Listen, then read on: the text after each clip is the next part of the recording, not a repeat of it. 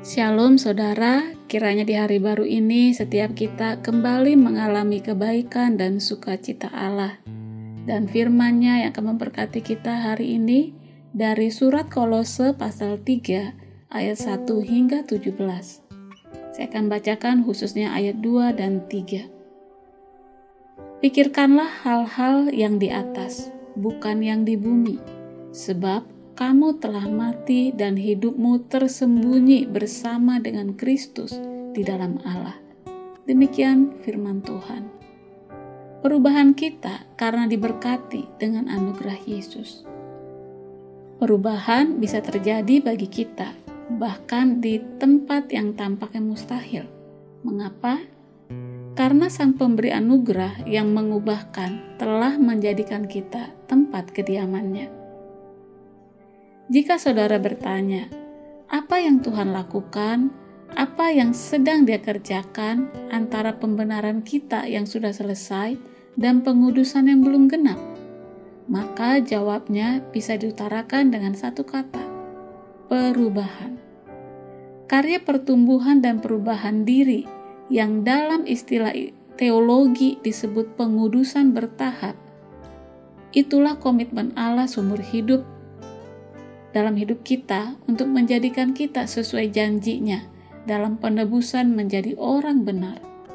Dalam tiap situasi, tempat, dan relasi kehidupan kita, Allah memakai orang, tempat, dan benda-benda sebagai alat anugerahnya yang mengubahkan. Dia tidak berhenti. Dia tidak meninggalkan pekerjaan tangannya. Dia tidak beristirahat tanpa henti, ia bekerja mengubah kita semaksimal mungkin oleh anugerah. Ia tidak puas hanya dengan membuat kita menjadi sedikit lebih baik. Dengan kasih karunia, ia bekerja hingga kita sepenuhnya bebas dari dosa, yakni serupa dengan gambar putranya yang sempurna. Sang Juru Selamat yang giat ini juga adalah pencipta yang belum puas. Ia tidak berdiam membiarkan dunia ini berada dalam kondisi yang ternoda oleh dosa. Jadi, akan datang saatnya ketika ia menjadikan segala sesuatu baru. Ia akan mengembalikan dunia ciptaannya pada keadaan semula sebelum dirusak oleh dosa.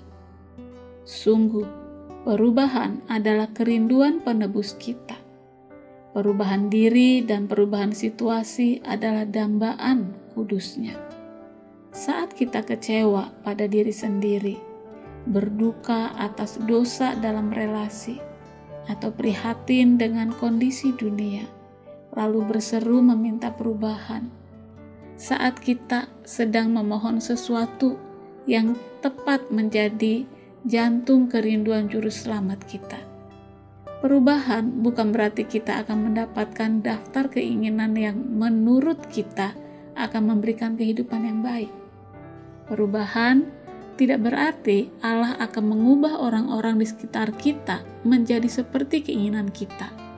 Dan tentunya, perubahan bukan berarti Allah akan memakai kuasanya untuk membuat hidup ini lebih mudah dan menyenangkan sesuai pengertian kita. Namun yakinlah, di mana perubahan diperlukan, di situlah anugerah Allah akan dilaksanakan. Dan ia memberikan apa pun yang kita butuhkan supaya perubahan itu terjadi. Saudara, percayalah bahwa saat ini saudara pun sedang mengalami perubahan. Suatu perubahan yang terjadi bukan karena saudara memiliki hikmat dan kekuatan, tetapi hanya karena diberkati dengan anugerah Yesus. Terpujilah Tuhan, diberkati kita. Amin.